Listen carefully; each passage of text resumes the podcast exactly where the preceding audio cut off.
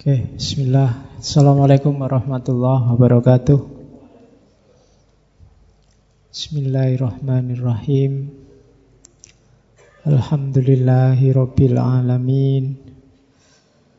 Wa bihi nasta'inu ala umuri dunya waddin. Allahumma salli wa sallim wa barik ala habibina maulana Muhammadin wa ala alihi wa ashabihi ajmain. Amma ba'du. Bismillah mari kita lanjutkan ngaji filsafat kita untuk edisi yang ke sekian kalinya Selali bisa. Firo. 132 Iyalah. Tidak usah dihitungi ya Siji-siji nanti muda Pokoknya jalan aja. Sak sempat-sempatnya Sak kuat-kuatnya. Nek boso Jawa ini sak kober-kobernya. Tidak harus dipaksa. Semoga ada manfaatnya. Kan gitu aja kita mendoakannya ya. Banyak yang ngirim ke Facebook, banyak yang tanya ke WA saya, apa boleh ngaji ini dipakai untuk ngajar, dipakai untuk bikin tugas kuliah? Ya jawabannya ya silahkan saja. Ini ketika sudah keluar dari saya itu berarti milikmu semua, hakmu. Tidak ada pelagiat-pelagiatan. Wong ini bukan milikku, Yohan. Saya cuma dititipi sama yang punya ilmu. Kebetulan cuma keliwatan saja. Jadi pakailah siapa yang butuh. Mungkin kamu sedang ngajar di mana butuh itu pakailah. Sak selait-selaitnya pakailah. Kalau pas butuh hapusin namaku itu yang di situ, ndak apa-apa. Ya, kalau memang butuh lah nanti kamu izin nih ada namaku kan, dihapus saja ndak apa-apa.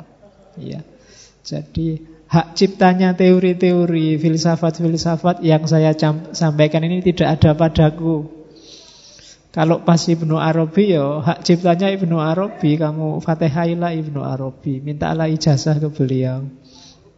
Kalau saya cuma keliwatan saja. Jadi tidak apa-apa dipakai saja sebebas-bebasnya. Asal untuk yang baik-baik. Ya. Oke, jangan dipakai untuk yang jelek-jelek. Untuk ya untuk gaya, untuk sumbung-sumbungan ya ojo lah.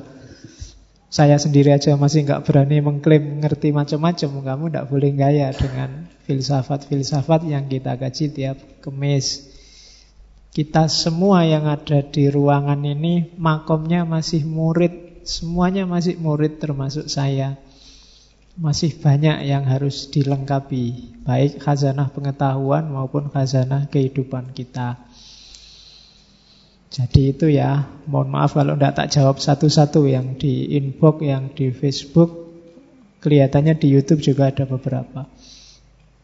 Jadi monggo dipakai saja. Oke. Malam ini kita ketemu lagi sama beliau Ibnu Arabi. Seingat saya mungkin tiga atau empat jangan-jangan kali ini saya ngomong Ibnu Arabi. Sejak dulu ketika filsafat Islam awal-awal juga sudah Ibnu Arabi.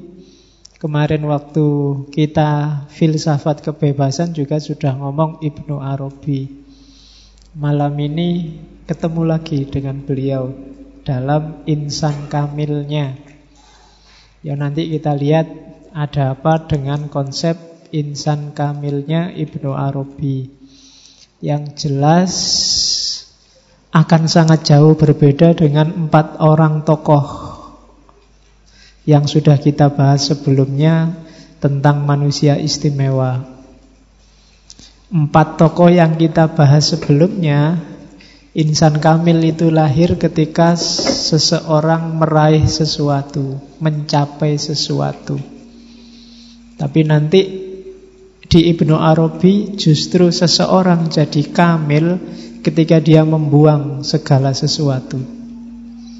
Jadi kebalikannya.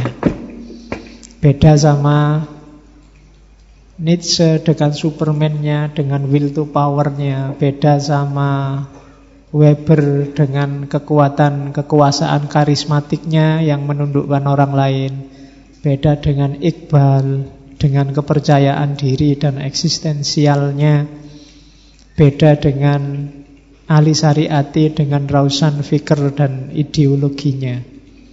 Malam ini Ibnu Arabi justru menyarankan kita untuk membuang semua atribut-atribut yang tidak penting itu sehingga kita kenal kesejatian kita. Genrenya beda. Malam ini kita genrenya tasawuf. Tidak seperti minggu-minggu sebelumnya.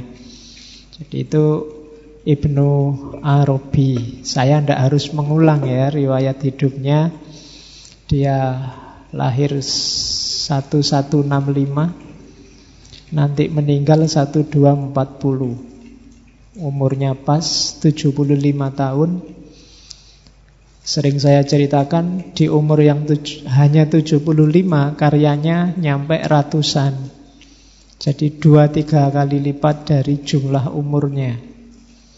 Itu Ibnu Arabi. Dan konon kalau nulis Bahannya bukan akal tapi ilham, intuisi. Kalau bahasanya Ibnu Arabi ada yang didiktekan oleh Nabi, ada yang bahkan didiktekan oleh Allah. Tapi jalurnya bukan didiktekan itu jangan dibayangkan terus ada Nabi sebelahnya, ayo B, tulis B, enggak ya enggak gitu. Jadi pengetahuannya itu masuk satu demi satu terus dia nulis dan konon kalau dia sudah nulis, tidak bisa berhenti sampai kitabnya selesai. Jangan dibandingkan dengan kamu nulis kitab, apalagi yang filsafat kebahagiaan itu ya. Nulisnya lama, setahap demi setahap, entah sejak berapa bulan yang lalu sekarang baru muncul. Kalau Ibnu Arabi tidak begitu, dia pegang pena, dia akan nulis sampai tamat. Ya sampai tamat itu bukan berarti dia tidak makan, tidak minum.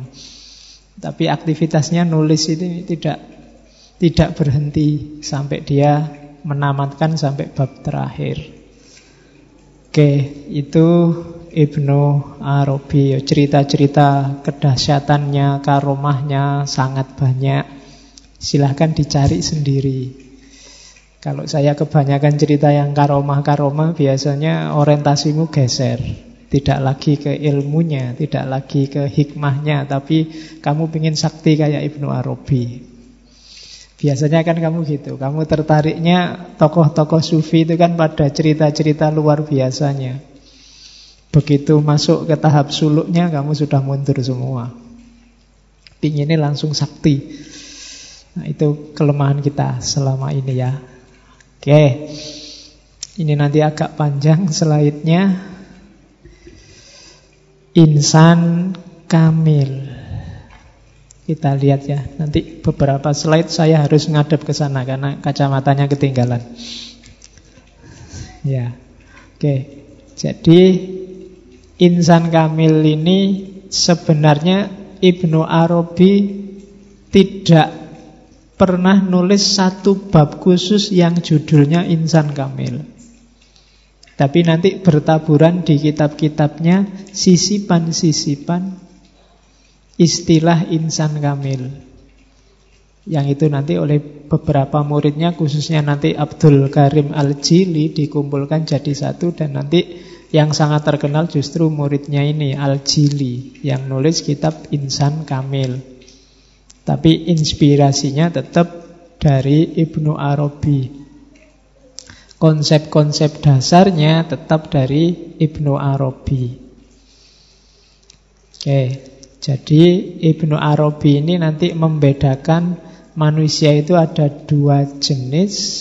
Yang pertama insan kamil, manusia sempurna, manusia otentik, original, asli, sama manusia binatang. Al-insan, al-hayawan. Manusia binatang ini manusia yang Casingnya saja manusia. Manusia itu kan jenisnya binatang. Saya sering bilang kan manusia itu binatang yang berpikir, binatang yang memaknai, binatang yang main simbol dan macam-macam. Dan katanya Ibnu Arabi, manusia yang kehilangan atribut kemanusiaan kamilnya, levelnya kayak binatang. Bedanya hanya di diferensia. Diferensia itu kambing sama ayam, itu kan beda, tapi kan sama-sama binatang. Nah, nanti ada satu jenis binatang lagi namanya manusia. Itu kalau atribut-atribut kemanusiaannya nggak dipakai. Atribut-atribut kesejatiannya dibuang. Jadi kamu tinggal milih sekarang hidupmu mau jadi insan kamil apa insan hayawan. Ya insan hayawan itu jelas orientasinya ke bawah, tidak ke atas. Yang dipikir dunia, dunianya jadi nomor satu. Kalau dunia nomor satu, ya Allah nomor dua, nomor tiga, nomor empat. Kalau cita-citamu hanya menaklukkan dunia, menaklukkan lingkungan sekelilingmu, menaklukkan Indonesia, menaklukkan Ahok, Ya yang lain nomor sekian berarti. Pokoknya apa pun yang terjadi harus dipenjara Itu berarti nomor satu dia. Jangan sampai jadi nomor satu. Yang boleh nomor satu dalam hidup kita Hanya Allah. Oke. Nah orang yang Orientasinya ke bawah Nanti jatuh bahkan bisa lebih rendah dari binatang Kita menyebutnya asfala safilin Di bawah lebih ke bawah lagi Nah, jadilah insan kamil. Insan kamil adalah abdurrobih kalau insan hayawan itu kebanyakan abdun nazar. Ini saya tidak tahu Ibnu Arabi sedang nyindir kita apa enggak. Dia tidak menyebut abdun nafas, tidak menyebut hambanya hawa nafsu, tapi hambanya nalar, hambanya akal pikirannya sendiri. Yang didewa-dewakan, yang dinomor satukan bukan Allah tapi kebenaran versinya. Dianggapnya hidup seperti itu, pikiran seperti itu, yaitu yang benar dan paling benar. Jadi itulah yang dia sembah. Jadi Abdun Nadhur lawannya Abdur Rob. Katanya Ibnu Arabi, ya insan kamil ya makomnya tetap Abdurrob, hamba Tuhannya. Bukan hamba persepsinya, bukan hamba persangkaan-persangkaannya. Bukan hamba pendapat-pendapatnya. Apa tidak boleh meyakini pendapat kita benar? Boleh. Tapi sambil tetap yakin karena aku ini manusia bisa salah, ya pendapatku mungkin salah mungkin keliru. Wah, ini semangat ini susah ditemukan. Mungkin memang susah untuk merasa bahwa aku bisa keliru. Oke, kita ngomong kayak gini biasanya untuk orang lain. Tapi untuk diri kita sendiri berat. Ngomong bahwa aku itu bisa salah loh, itu susah. Selalu ke kamu kan manusia, bisa salah toh kan gitu. Kalau gitu gampang, tapi kita selalu yang benar itu milikku. Orang yang kayak gini sebenarnya selain bahaya karena Allah nggak nomor satu, dia bahaya karena tidak bisa berkembang lagi. Tidak bisa berkembang itu dia sudah final. Dia menganggap pikirannya sudah selesai. Ya ini yang paling benar. Padahal kan di awal sudah diyakinkan bahwa kita ini manusia, pandangan kita terbatas, wawasan kita terbatas. Banyak sekali ketidaksempurnaan dalam diri kita. Maka pikiran-pikiran kita juga terbatas, wawasan kita juga terbatas. Sepinter-pinternya orang, wawasannya terbatas.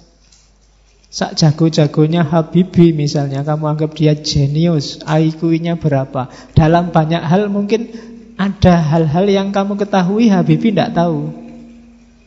Mungkin Habibie tidak ngerti gimana caranya gitaran.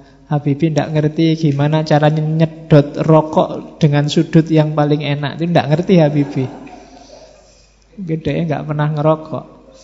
Kan yang penting tidak ngerti kan dia juga tidak tahu segalanya sejenius apa pun. Donald Trump yang sekaya itu dia merasa bisa membeli segalanya sangat banyak yang dia tidak tahu dan tidak ngerti. Sopo tinggal kamu sebut Einstein kah? Atau filosof-filosof yang kita bahas 100 pertemuan lebih Banyak dia yang tidak tahu. Sak jago-jagonya Ibnu Rus mungkin dia belum pernah lihat binatang yang namanya kerbau apa bebek Karena Spanyol Timur Tengah zaman abad keberapa mungkin tidak ada Ya kan? Tidak, kita terbatas kok Kebenaran yang kita tahu hanya sejangkau pengalaman kita yang sempat di yang sempat mampir di kepala kita.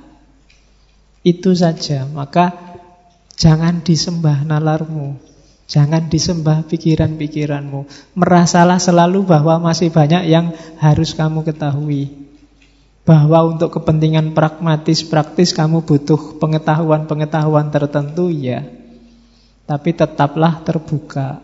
Biar kita bergerak terus ke arah yang lebih baik dan lebih baik. Oke, biar tidak dituduh oleh Ibnu Arabi kita ini hamba nalar. Yang kita dewakan kebenaran pikiran kita sendiri, bukan Allahnya. Oke, jadi itu kategori-kategori awal sebelum kita masuk ke insan kamilnya. Terus apa sih insan kamil itu?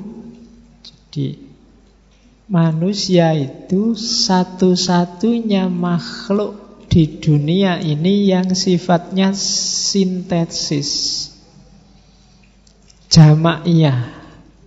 Kalau dalam futuhat majmuk. Jadi segala atribut, segala karakter alam semesta juga bahkan karakter ketuhanan ngumpul dalam diri kita yang namanya manusia. Jadi kalau bahasa mudahnya jasad kita yang lahir ini mikrokosmos. Sementara dimensi batin kita itu ilahiyah sifatnya. Jadi manusia itu lengkap. Kita mengandung semua kandungan alam semesta sekaligus dalam diri kita ada penggerak yang asalnya langsung dari Allah. Wa fihi min ruhi. Oke. Maka insan kamil itu mudahnya ketika seseorang sadar akan jati dirinya dan mampu mengaktualkan potensi ilahiyah yang ada dalam dirinya. Jadi semua yang tidak mengarah ke situ tidak esensial bagi insan kamil. Jadi rumusnya itu makanya sadarilah dirimu bahwa alam semesta itu ada dalam dirimu. Segala unsurnya, apa pun itu, ada. Makanya kita disebut mikrokosmos. Maka tugas awal seorang manusia itu bukan memahami keluar, tapi muhasabah ke dalam. Coba baca dirimu ke dalam, serius. Lihatlah apa saja faktor variabel unsur yang mengkonstitusi hidupmu, lahir maupun batin. Kalau ketemu dirimu yang sejati, berarti kamu sekaligus memahami makrokosmos dan memahami Tuhan. Kenapa memahami makrokosmos dan memahami dirimu itu sekaligus memahami Tuhan? Karena alam semesta termasuk kita manusia itu tajalinya Tuhan.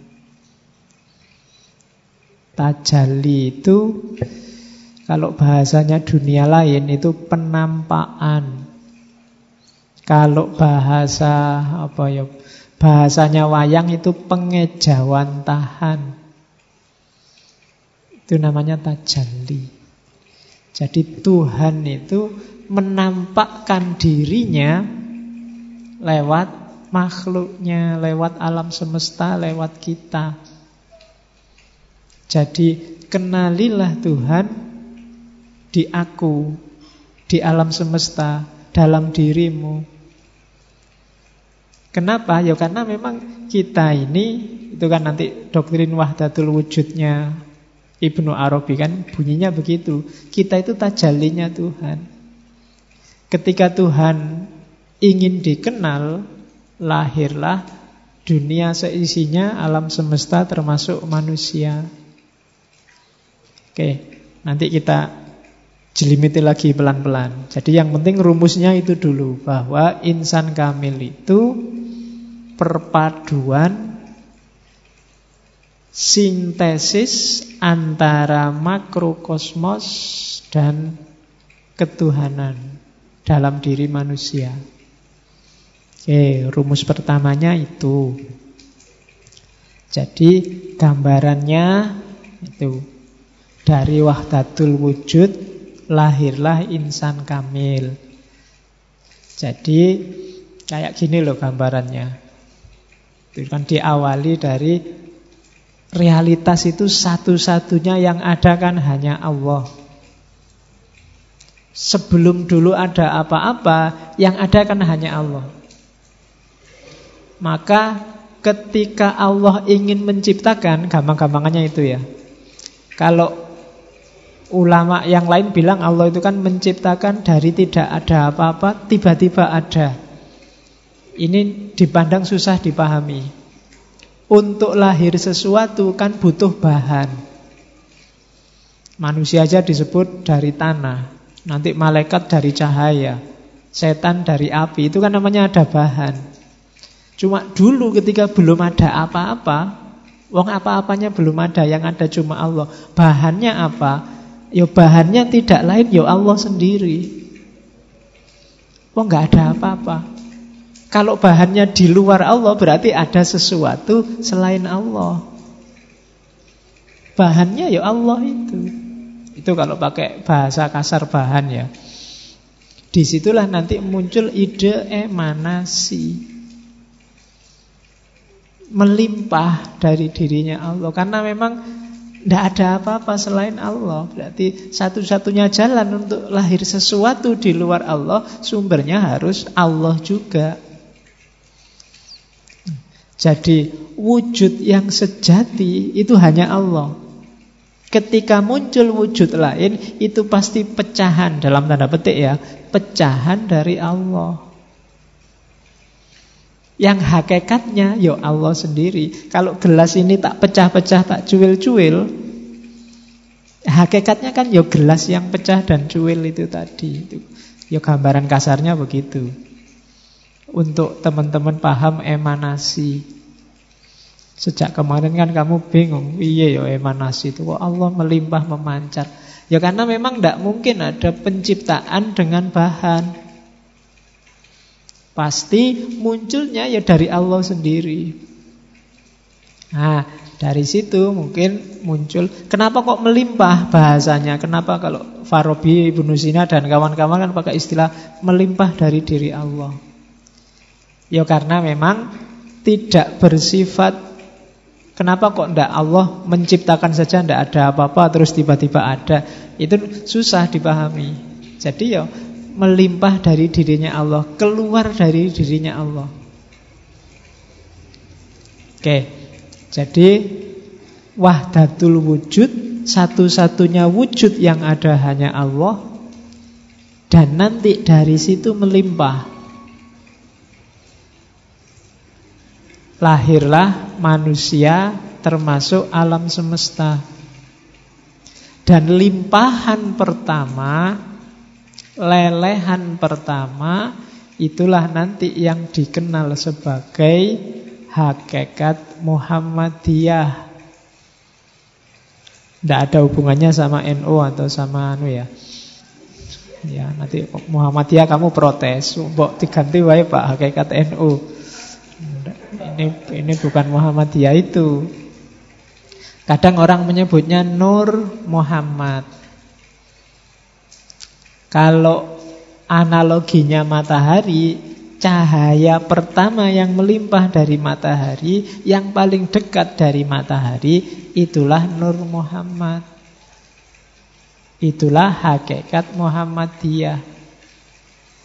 Saya tidak tahu alasannya apa Ibnu Arabi termasuk Al-Halaj pakai istilah Nur Muhammad. Mungkin dari premis bahwa makhluk di alam semesta ini yang jadi masterpiece-nya Allah adalah manusia. Dan di kalangan manusia yang paling dicintai oleh Allah adalah Muhammad. Berarti Muhammad itu paling dekat di hatinya Allah. Maka pancaran pertama yang paling bercahaya oleh para sufi disebut Nur Muhammad. Hakikat Muhammadiyah. Kenapa kok nggak disebut Nur Adam apa Nur Isa? Mungkin logikanya karena ya beliau yang paling dicintai oleh Allah, paling dekat sama Allah. Makanya kan ada hadis laulaka ya Muhammad, seandainya bukan karena engkau wahai Muhammad, tidak akan aku ciptakan langit dan bumi. Kan? Ya sering saya bilang ketika orang makomnya di level cinta itu kan selalu demi yang dicintai untuk kepentingan yang dicintai. Oke, jadi yang paling dicintai Allah sebelum Muhammad yang fisik ini lahir dulu sudah ada yang oleh Ibnu Arabi dan kawan-kawan disebut Nur Muhammad. Yang Nur Muhammad inilah nanti dari cahaya pertama lahirlah lelehan-lelehan selanjutnya. Cahaya-cahaya selanjutnya. Sumbernya ya dari cahaya yang kalau ini matahari terang, yang paling dekat dari matahari yang disebut Nur Hamad ini kan terang yang kedua. Sumbernya langsung matahari. Tapi terang yang ketiga, sumbernya ya terang yang kedua ini tadi. Nanti terang yang keempat, sumbernya terang yang ketiga. Terang yang kelima, sumbernya terang yang keempat. Dan seterusnya. Jadi benchmark paling utama yang paling dekat, paling mirip dengan Allah itu Nur Muhammad. Maka nanti insan kamil adalah mereka yang bisa membersihkan dirinya kemudian masuk ke level Nur Muhammad. Dialah yang paling bercahaya. Dan Ibnu Arabi tidak ngomong upaya bersatu, kesatuan dan macam-macam karena hakikatnya memang sudah satu. Jadi Allah sama kita itu satu. Nanti ideologi kayak gini banyak di tradisi mistik timur. Kalau di Jawa disebut Gusti itu ya kasunyatan. Kasunyatan itu kalau pengen ketemu Allah ya di realitas sehari-hari ini. Allah hadir.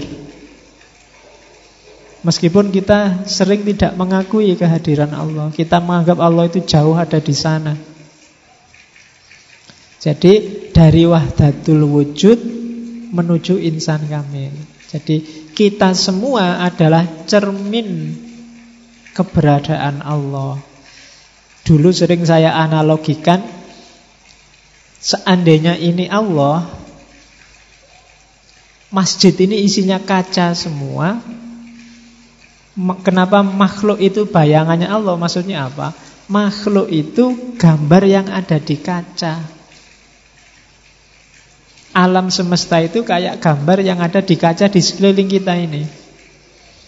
Mungkin yang kaca sebelah sana gambarnya punggung, kaca yang sebelah kiri gambarnya pundak, sebelah kanan gambarnya pundak. Itulah alam semesta. Kalau yang sana gerak, itu kan yang gerak bukan sana tapi sini. Jadi yang sana itu cuma gambarnya, sifatnya ilusi. Dia tidak benar-benar ada. Yang benar ada ini. Jadi gambar di cermin itu bukan barang yang sebenarnya. Dia cuma refleksi dari barang yang sejati. Termasuk dirimu. Kecuali kamu menghindar dari cahaya kamu sendiri yang menjauh dari cahaya. Menjauh itu bukan berarti kamu melepaskan diri dari cerminan Allah, tapi kamu menutupi dirimu sendiri dari cahaya sehingga kamu tidak kenal dirimu. Yang rugi ya kamu sendiri. Ya sama kayak kita bagian dari alam semesta. Kita ini mikrokosmos. Alam semesta makrokosmos Maka apa pun yang terjadi dengan makrokosmos Akan berpengaruh pada mikrokosmos Kalau alam cedera yang sakit kita Kalau hutan kamu tebangi Yang merasakan banjir bukan hutan dan gunungnya Tapi manusia Kalau ozonnya robek Bumi ini panas Yang kepanasan kan juga kita Jadi alam dan kita itu saling saling bercermin. Kita adalah tajallinya Allah. Terus ini yang tadi sudah saya jelaskan. Jadi hakikat Muhammadiyah. Oke ya, jadi hakikat Muhammadiyah itu adalah limpahan Allah yang pertama yang dari situ lahirlah alam semesta sifatnya nanti emanasi, gradasi. Jadi, lupa katanya semua yang menciptakan Allah. Iya, cuma ada jalannya. Kayak kalian kan lahir kan tidak dari tidak ada tiba-tiba kun fayakun terus kamu lahir. Kan butuh bapak ibumu pacaran dulu terus nikah terus malam pertama terus bertempur baru kamu lahir. Ya kan? ada jalannya. Jadi tidak ujuk-ujuk kok terus kita ada sebagai manusia kita tidak. Semua ada jalannya, termasuk lahirnya alam semesta. Jadi yang dari Allah di level pertama saja, limpahan pertama. Setelah itu ikut sunatullah jalannya. Baik ketika bumi dan alam semesta ini sudah ada maupun ketika bumi dan alam semesta belum lahir. Oke. Jadi itu hakikat Muhammadiyah, Nur Muhammad. Ini nanti yang mau pakai slide ini semoga nggak dipotong slide ini saja ya nanti biar nggak salah paham. Nanti kamu salah. Hakikatnya Muhammadiyah itu ternyata wakilnya Tuhan ndak. Jadi dia namanya Nur Muhammad. Ya banyak yang mengkritik. Tapi cuma memang Isu-isu sufistik itu menangkapnya tidak murni pakai akal. Intuisinya harus main. Nanti di Ibnu Arabi kuat imajinasi. Kalau imajinasimu nggak main, akan susah menangkap hakikat Muhammadiyah, Nur Muhammad, insan kamil. Kalau pakai akal saja agak susah. Agama itu banyak yang tidak rasional. Yang bisa menangkap yang tidak rasional itu apa? Daya imajinasi. Kalau imajinasimu tidak berputar, tidak bisa, ya susah. Tidak bisa membayangkan. Surga, neraka, sirotol mustaqim, akhirat, pahala, siksa. Itu imajinasimu kalau macet. Kamu mengandalkan akalmu yang satu tambah satu dua, mungkin kamu tidak percaya. Di surga itu kalau di bumi akarnya di bawah, buahnya di atas. Kalau di surga kebalikannya. Akarnya di atas, buahnya di bawah. Jadi ngambilnya gampang. Itu kan akalmu nggak nyambung itu. Dari mana jalurnya? Lah emangnya tumbuhnya pakai apa kok akarnya di bawah? Bidadari itu perawan terus. Itu kan tidak tekan pikiranmu.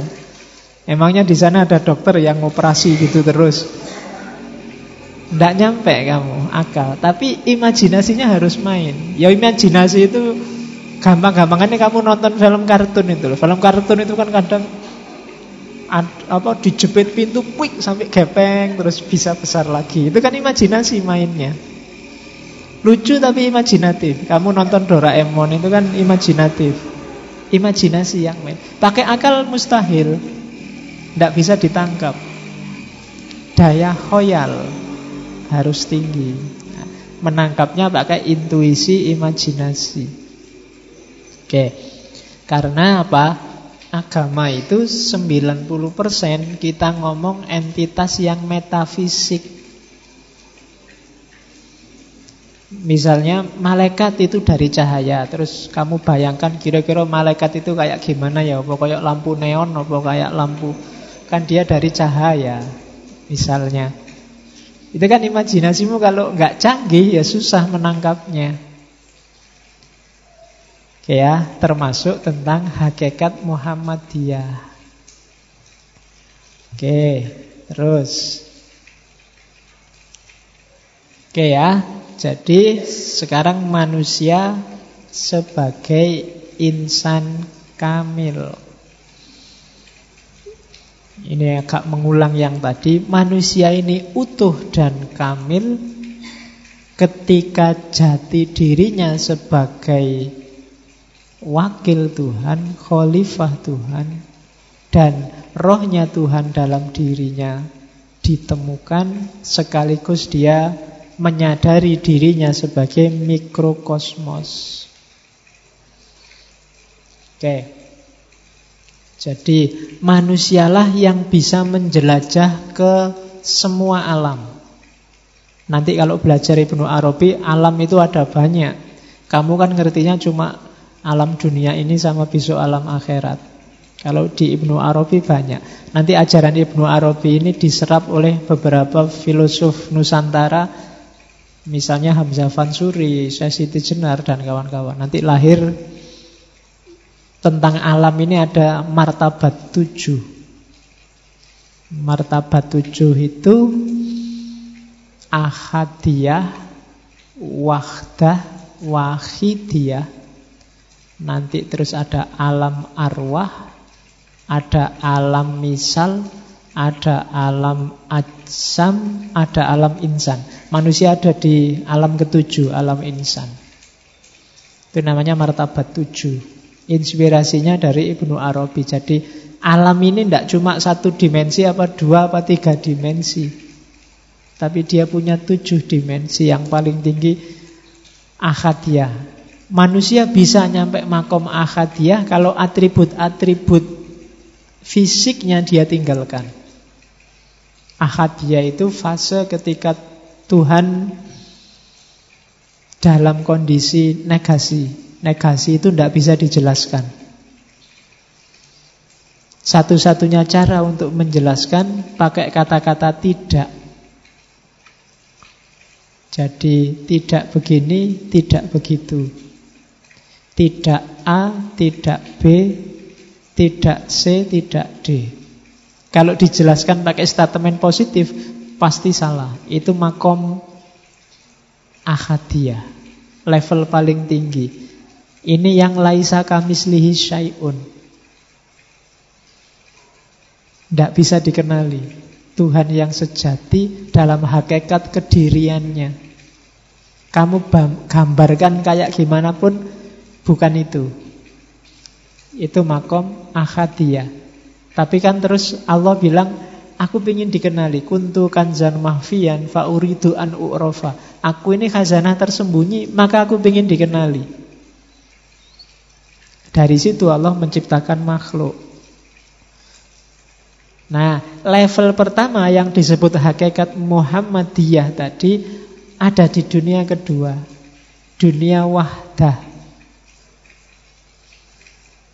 Kemudian limpahan dari wahdah ya realitas ini alam semesta dan seisinya ini dunia wahidiyah. Sudah ada zat, sudah ada sifat. Meskipun belum terinci. Baru nanti masuk ke level-level di bawahnya. Ada alam arwah, alam atsam, alam insan dan seterusnya. Kapan-kapan kalau kita ngomong filosof sufi Nusantara kita bahas itu. Ronggo Warsito juga menyinggung itu dalam serat Hidayat Jati. Oke, itu bau Ibnu Arabinya kuat. Jadi arahnya ke manusia sebagai insan kamil. Oke, terus Simbolnya insan kamil itu Adam.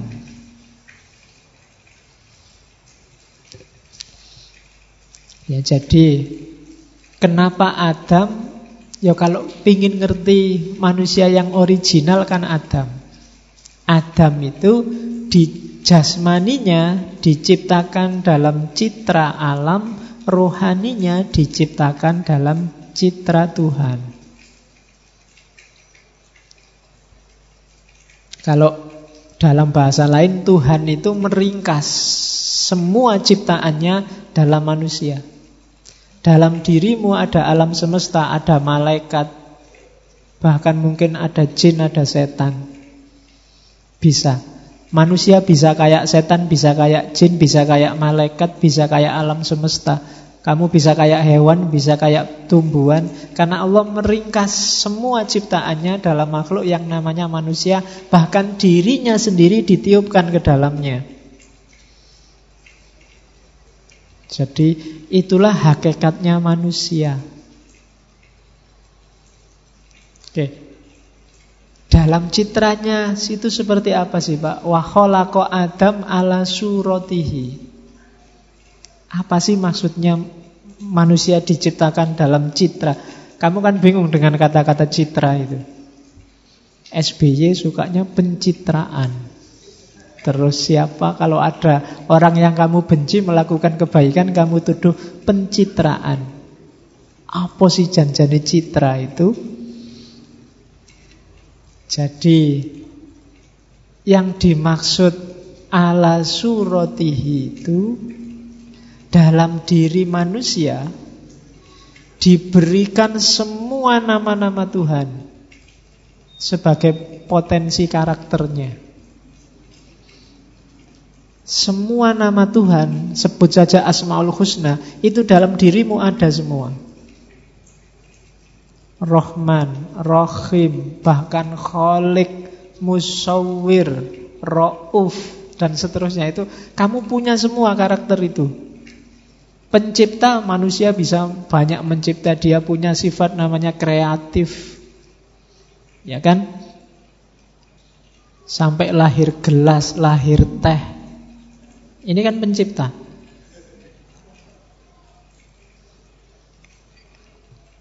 Binatang, hewan tidak ada yang kreatif. Sejak dulu kalau minum ya nyari air, nyari sungai, nyari hujan Ayam kambing nggak pernah punya ide bikin teh yuk, bikin kopi yuk, nggak ada. Pokoknya air ya diminum aja. Dia nggak pernah, nggak bisa kreatif. Manusia punya, dia punya sifat mencipta sebagaimana Allah. Manusia juga bisa menyiksa sebagaimana Allah. Dalam sejarah banyak kan manusia yang punya karakter menyiksa. Ketika porsi dan proporsinya nggak pas, dia jadi kejahatan. Kalau pas, dia diperbolehkan. Ya dalam konteks tertentu kan kadang dibutuhkan kesulitan-kesulitan, keruwetan-keruwetan demi harmoni. Itu ada karakter-karakter Allah yang di situ dimiliki manusia. Jadi penyayang kita punya sifat sayang, Rohman Rohim, kasih sayang yang mendalam dan meluas. Allah punya sifat wafurur rohim, kita juga punya. Meskipun sekarang umat Islam susah memaafkan, tapi kita punya sifat memaafkan itu. Jangan lupa. Maka banyak sufi bilang li utami mama karimal ahlak sebagaimana hadis Nabi itu adalah taholak bi ahlakillah. Berakhlak dengan akhlak Allah. Apa bisa Pak? Bisa. Kenapa? Karena dulu Allah menciptakan kita ala suratihi sesuai gambarnya Allah. Gambarnya Allah itu ya mestinya bukan gambar fisik, wong Allah bukan fisik. Gambaran batin. Gambaran mental, gambaran ruhani. Dan kalau itu mental dan ruhani kan ya nama-nama Allah minimal yang 99 itu kita punya. Itulah maksud dan Allah dan Tuhan menciptakan Adam ala suratihi sesuai citranya, bukan fisiknya. Makanya ketika orang mencapai puncak kan ada hadis kalau dia mendengarkan aku jadi pendengarannya, bukan aku jadi telinganya. Jadi daya mendengar, kependengaran, kepenglihatan, itu Allah. Mata ini ketika roh tidak ada, tidak ada gunanya. Jadi telinga, kalau roh nggak ada juga tidak ada gunanya. Dia kayak komputer tapi tidak ada softwarenya, nggak ada gunanya. Semahal apa pun komputermu, hardwaremu, kalau softwarenya nggak ada, nggak operatif. Secakep apa pun orang, kalau isinya nggak ada, ruhnya nggak ada, kamu lari. Kalau nggak percaya, cobalah. Berarti kuncinya apa? Keywordnya kita sebagai manusia itu ya suratu Adam, suratullah dalam diri Adam itu. Rohnya. Jasad itu cuma kendaraan kita. Materi itu cuma media. Dia alat, bukan tujuan. Jadi jasad itu memang dikasih Allah untuk mewujudkan tujuannya rohani. Bukan berarti jasad itu tidak penting, ya penting. Karena kalau kita roh saja juga tidak bisa jadi khalifah. Makanya kita ruh dan jasad. Jadi ala suratihi itu dalam diri kita terkumpul nama-namanya Allah. Makanya sebelum turun ke bumi kan ada cerita, ada ayat yang bilang wa allama adamal asma'a kullaha. Jadi untuk membangun citra Adam sebagai wakil Allah di muka bumi dalam diri Adam asma'akullaha. Jangan diartikan alama itu terus Adam di depannya Allah terus Allah ceramah gini dam kan nggak gitu. Ya mestinya ya sama Allah langsung dikasihkan ke dalam diri Adam asma itu. Dari situlah nanti Adam menerjemahkannya dalam kehidupan. Jadi itu memang skenario-nya Allah begitu. Karena itulah maka semua malaikat bahkan iblis disuruh sujud pada Adam. Karena dalam diri Adam ada kualitas Tuhan. Oke, makanya kalau iblisnya mau ngeyel, dadak debat, kan aku maunya hanya sujud pada Allah. Itu bisa dijawab, enggak, kamu enggak tak suruh sujud pada Adam yang tanah. Tapi kualitas Adam yang dalam dirinya ada nama-nama Allah. Yang semuanya harus tunduk pada keagungan nama-nama Allah. Jadi itu katanya Ibnu Arabi nanti simbolnya insan kamil itu Adam. Berarti insan kamil itu manusia yang kembali ke fitrahnya sebagai tajalinya Allah melalui nama-namanya. Berarti manusia paling sempurna adalah manusia yang berakhlak mulia. Bukan manusia yang semata-mata paling banyak ibadahnya. Ibadah yang tidak ngefek ke akhlak, tidak ada nilainya. Sholat yang tidak tanha anil fahsya wal mungkar, tidak ada nilainya. Apalagi sholat dipakai sebagai jalan untuk bikin susah orang. Karena kamu bikin macet jalan. Ya, mulai ya kan?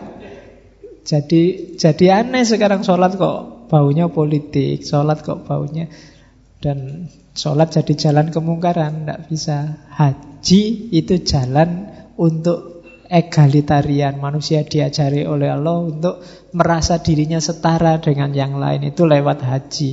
Maka tidak boleh pulang haji kok malah merasa lebih tinggi dari yang lain. Karena dia sudah haji, yang lain belum. Itu berarti pelajarannya gagal. Karena pelajaran haji adalah pelajaran egalitarianisme. Kalau zakat itu pelajaran taskiyatul mal membersihkan harta, Targetnya apa? Jiwa yang tidak terikat, tidak jatuh cinta pada dunia, pada harta. Kalau kamu zakatnya utuh, zakat malnya, zakat fitrahnya beres, tapi jiwamu sangat terikat oleh duniamu, oleh hartamu, berarti targetnya zakat gagal. Visinya zakat gagal. Sama kayak kamu sholatnya lengkap, tapi curangnya juga lengkap, korupsinya juga lengkap. Itu sholat yang tidak ada gunanya. Ada sholat yang malah bikin kamu masuk neraka. Kalau surat Al-Ma'un itu kan Alladzina yuro'una Orang yang sholat tapi pamer. Tidak masuk surga malah Fawailul lil musallin. Kamu masuk neraka wail. Kalau sholatnya untuk pamer Untuk menunjukkan bahwa Kamu orang alim Bahwa kamu komitmen pada agama Meskipun sedang musafir tetap sholat Dan masuk TV Itu Loh iya itu kalau kalau ada nuansa biar yang lain tahu betapa kita ini membela itu berarti ria. Jadi hati-hati menata hatinya ya. Oke, jadi bukan dilarang cuma yo saling menjaga, saling mengingatkan. Oke ya, jadi itu insan kamil. Kuncinya ada pada akhlak. Takholak bi ahlakillah hidup dengan landasan asmanya nama-nama Allah. Oke. Terus Nah, ini ada definisi yang berbeda kalau di Ibnu Arabi. Selama ini kita memahami khalifah itu Allah di sana, kita di sini, alam semesta di sini. Terus kita disuruh oleh Allah untuk ngopeni alam semesta. Itulah khalifah. Katanya Ibnu Arabi tidak begitu. Kalau modelnya Allah di sana, aku di sini, alam di sana, itu kan berarti aku yang hadir di alam, Allah tidak hadir, dia ada di sana. Aku di bumi ini mewakili Allah ngurusi alam. Padahal Allah itu kan ya selalu ada di sekitar kita terus. Ngapain butuh diwakili? Kalau maknanya khalifah itu diwakili kan harusnya Allah tidak ada sekarang. Kita yang mewakili jadi Allah sekarang di dunia ini. Maksudnya khalifah itu bukan di situ katanya Ibnu Arabi. Khalifah itu pengganti. Pengganti dalam arti apa? Kitalah yang paling mirip dengan Allah di antara semua makhluk lainnya. Jadi khalifatullah fil ardi adalah makhluk yang paling dekat karakternya dengan Allah di muka bumi. Maka ketika kamu nanti taholak bi ahlakillah, itulah jati dirimu yang sejati. Kalau kamu tidak melakukan itu di muka bumi, berarti kamu sedang mendistorsi hakikatmu sebagai manusia. Jadi rumusannya begitu. Karena awas salah katanya Ibnu Arabi. Kayak barat kan merasa kitalah yang menguasai dunia, alam semesta, mari kita taklukkan, kita tundukkan semuanya di bawah kekuasaan kita. Akhirnya diperas habis-habisan alam, kita nanti bingung sekian ratus tahun ke depan sumber daya habis. Itu salah memposisikan makna khalifah. Jadi khalifah itu penggantinya Allah, bukan berarti Allah tidak hadir. Allah itu selalu hadir. Cuma kitalah yang paling dekat, paling mirip dengan Allah. Sehingga kekamilan kita, kesempurnaan kita sebagai insan adalah ketika kita semakin mirip dengan Allah. Maka insan kamil adalah orang yang mirip, orang yang Karakternya adalah karakter ketuhanan. Hidupnya mencerminkan asmaknya Allah, nama-namanya Allah. Oke. Jadi itu makna insan kamil sebagai khalifah. Terus ada lagi sekarang. Insan kamil tadi sebagai makro mikrokosmos Mikrokosmos itu positioningnya kalau dalam dirimu ini kan tadi saya bilang kuncinya dirimu kan di roh. Sama, alam semesta ini kuncinya ada di manusia. Posisinya manusia yang mikrokosmos di depan makrokosmos itu sama kayak posisinya roh dalam diri manusia. Jadi insan kamil inilah yang menjamin bumi ini, dunia ini masih hidup. Kalau tidak ada lagi insan kamil, semuanya isinya binatang, setan, itulah saatnya kiamat. Kenapa? Tidak ada ruhnya lagi sudah. Makanya ada hadis selama masih disebut nama Allah. Berarti masih ada orang yang berperilaku sebagai insan kamil, berakhlak dengan akhlaknya Allah. Kiamat tidak akan terjadi. Berarti apa? Ruhnya masih ada, masih hidup. Tapi begitu insan kamilnya tidak ada. Ruhnya hilang. Jadi itulah posisinya manusia. Jadi manusia itu penting. Maka kamu jangan nakal-nakal, nanti kiamatnya cepat. Semakin habis insan kamil ya semakin dekat kita sama kiamat. Kenapa? Karena kita ruhnya. Rusaknya dunia ya karena manusia, harmoninya dunia karena manusia. Jangan salah. Tidak karena yang lain. Ya kan? Kenapa kok ozon robek? Kamu kan selalu menyalahkan ah, ini karena pemanasan global. Ya enggak, pemanasan global ya ujungnya manusia.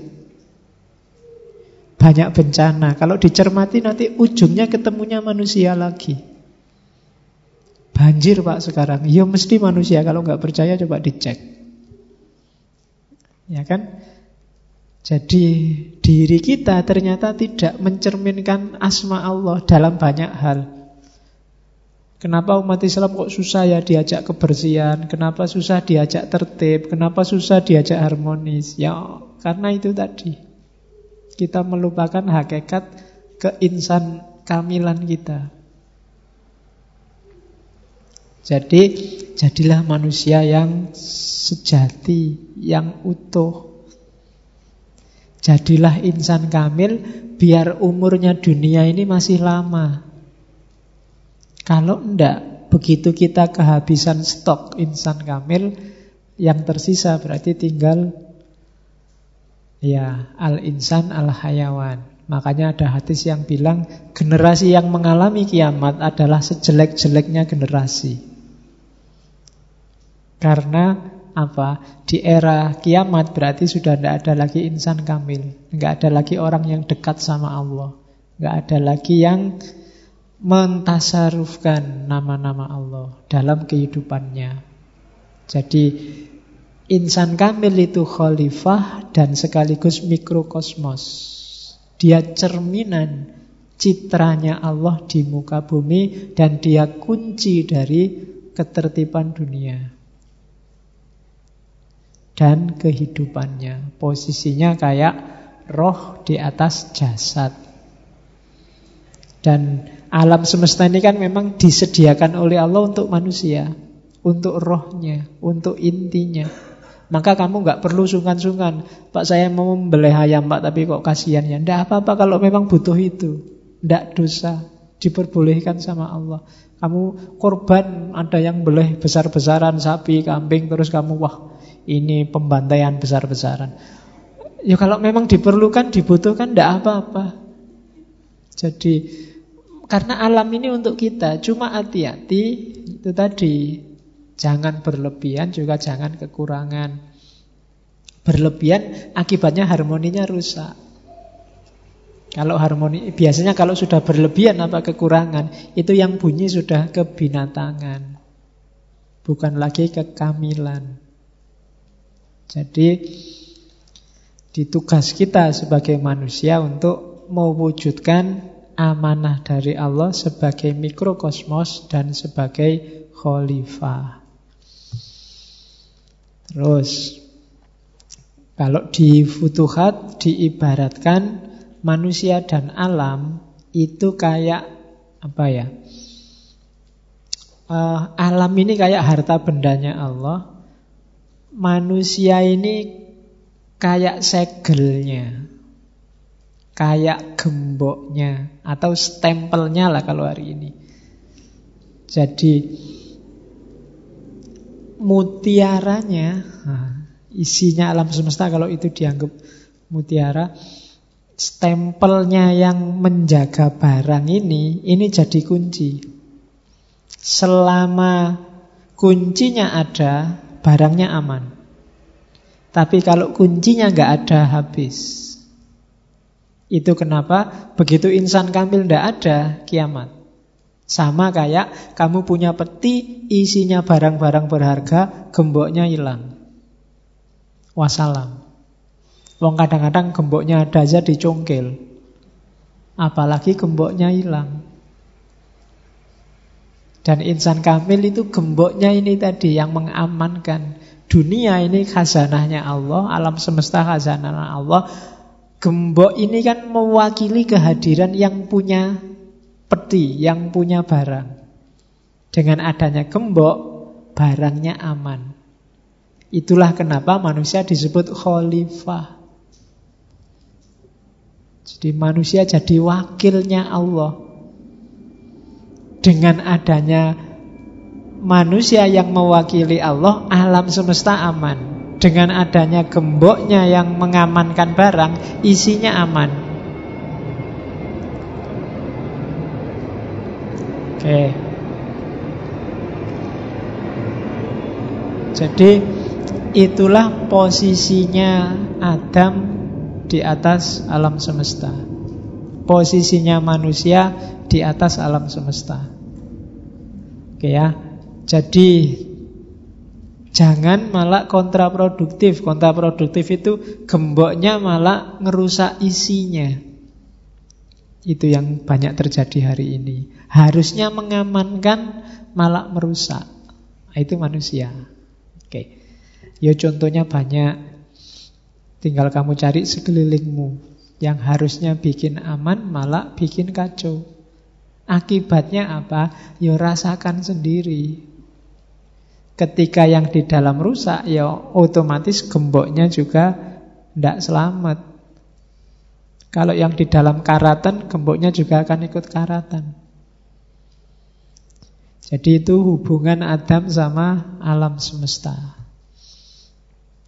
Nah, jalannya sekarang. Tadi baru definisinya. Oke. Kita ngaji sak jam sudah anu ya. Ibnu Arabi nulisnya ratusan halaman. Futuhat itu 560 bab. Futuhat Makiyah 6 pasal. 6 pasal itu pasal makrifat, muamalah, ahwal, makomat, kemudian uh, munazalah, kemudian manzilah, enam. Manazil, munazalah, ya enam.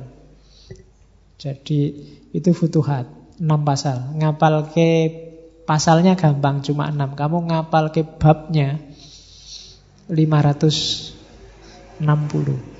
Itu pening. Nanti kita cuplik satu bab di bagian akhir.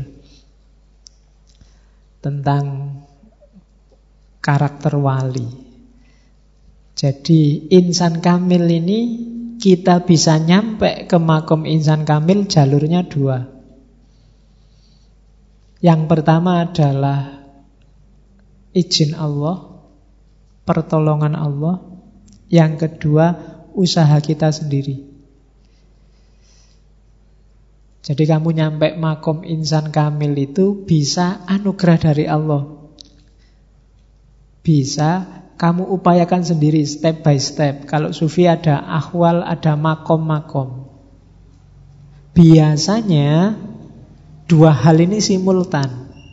Ketika kamu berusaha naik makom sampai insan kamil, Allah menganugerahimu. Ketika kamu setengah jalan, kamu dikasih semuanya sama Allah. Itu kasih sayangnya Allah.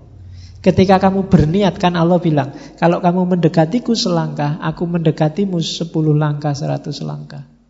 Jadi ini biasanya simultan. Meskipun ada orang tertentu yang Dia belum mendekat, Allah sudah datang. Tapi itu saya sering bilang itu kudrotullah, bukan sunatullah. Tidak bisa dijadikan rumus. Kamu nggak bisa, ah, saya tenang aja pak, males sholat, males puasa, enggak apa-apa. Kalau Allah mau kan tiba-tiba Allah nanti datang. Tidak bisa, itu tidak bisa dijadikan rumus. Rumusnya tetap kalau kamu berusaha, berdoa, mujahadah, nanti Allah memenuhi keinginanmu. Itu rumusnya. Sama kayak kamu, kalau kamu loncat dari lantai 30, kamu pasti tewas. Itu rumusnya. Bahwa bisa kamu loncat dari lantai 30 tidak tewas, Mungkin, tapi tidak bisa dijadikan pedoman. Itu hidup itu harus ngerti mana yang rumus, mana yang sunatullah, mana yang kalau sudah mentok satu-satunya yang diharapkan hanya Allah. Kalau dilalah kamu terpaksa kok jatuh dari lantai 30 bukan keinginanmu, tinggal kamu berdoa semoga Allah intervensi. Kan begitu. Tapi nggak boleh sejak awal kamu, ah kalau nggak mati ya nggak mati aja, terus kamu loncat. Karena rumus dasarnya kamu pasti mati. Jadi caranya begitu. Apakah hidup ini kodariah apa jabariyah? Ya, diawali dari kodariah, rumus-rumus. Nanti Allah yang menentukan ya monggo. Itu sudah haknya Allah. Nah, insan kamil ini ya kamu harus berusaha mewujudkan ideal-ideal tadi di atas, takholak bi dan seterusnya. Nah, biasanya step-stepnya itu. Jadi yang pertama, ini yang saya bilang saya harus ngadep ke sana. Karena tidak bawa kacamata. Oke, yang pertama levelnya adalah tidak usah. Fana fil mukhalafat. Memfanakan dosa. Itu level pertama. Tidak melakukan dosa. Paling tidak secara sengaja. Kalau kamu, itu step paling rendah. Ya, step paling bawah. Ya, untuk menuju insan kamil. Yang kedua, fana fi af'alil ibad. Fana fi af'alil ibad ini tidak lagi bergantung pada afalnya hamba. Jadi sirna yang kedua. Tidak merasa kamu sukses, kamu enak, kamu jaya itu karena dirimu. Kamu tidak lagi mengandalkan amal. Satu-satunya yang kamu andalkan hanya Allah. Itu step kedua. Jadi kamu tidak menganggap kalau saya minum, mesti hausnya hilang. Ini namanya mengandalkan amal, nggak boleh. Belum fana berarti, belum naik ke level kedua. Kalau level kedua, iya saya minum, urusan hausku hilang apa enggak, ya Allah yang ngatur. Nah, itu fana fi af'alil ibad. Terus yang ketiga, tidak hanya af'al tapi sifatil makhlukin. Karakter-karakter manusia membebaskan diri dari jeratan karakter manusia yang sifatnya duniawi. Itu fana yang ketiga. Sudah tidak butuh lagi pujian, sudah tidak butuh lagi kejayaan, tidak butuh lagi kesuksesan. Yang ada di pikiran hanya Allah saja. Itu makom ketiga. Makom yang keempat fana angkulizat.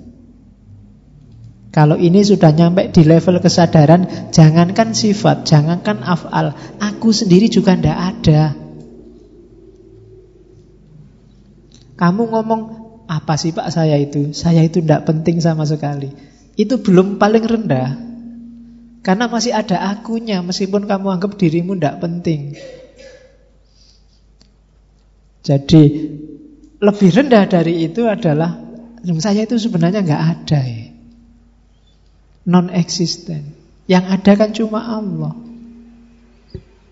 Jadi keberadaanku kayak teh ini.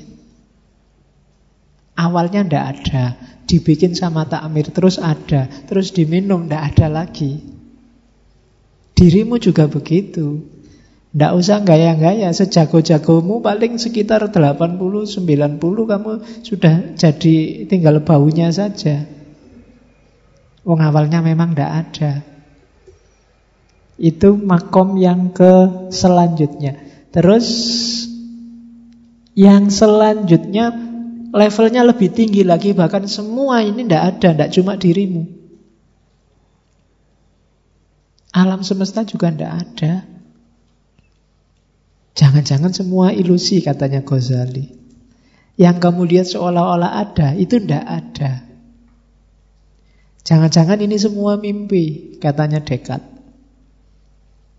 Kamu mimpi itu kan seolah-olah kayak beneran. Jangan-jangan ngaji ini cuma mimpi, begitu bangun, iyalah mimpi serius amat. Kan bisa kayak gitu. Kan katanya Ghazali, siapa tahu besok ketika kita sudah meninggal, Terus masuk ke alam barza, kita baru sadar, Allah ternyata dunia kemarin itu tidak penting sama sekali. Sama kayak kamu ketika masuk ke alam dunia, kamu anggap alam rahim itu kan Allah itu cuma menjaga biar tetap hidup aja, tidak penting. Lebih penting alam dunia ini. Mungkin besok kamu masuk alam barza juga begitu.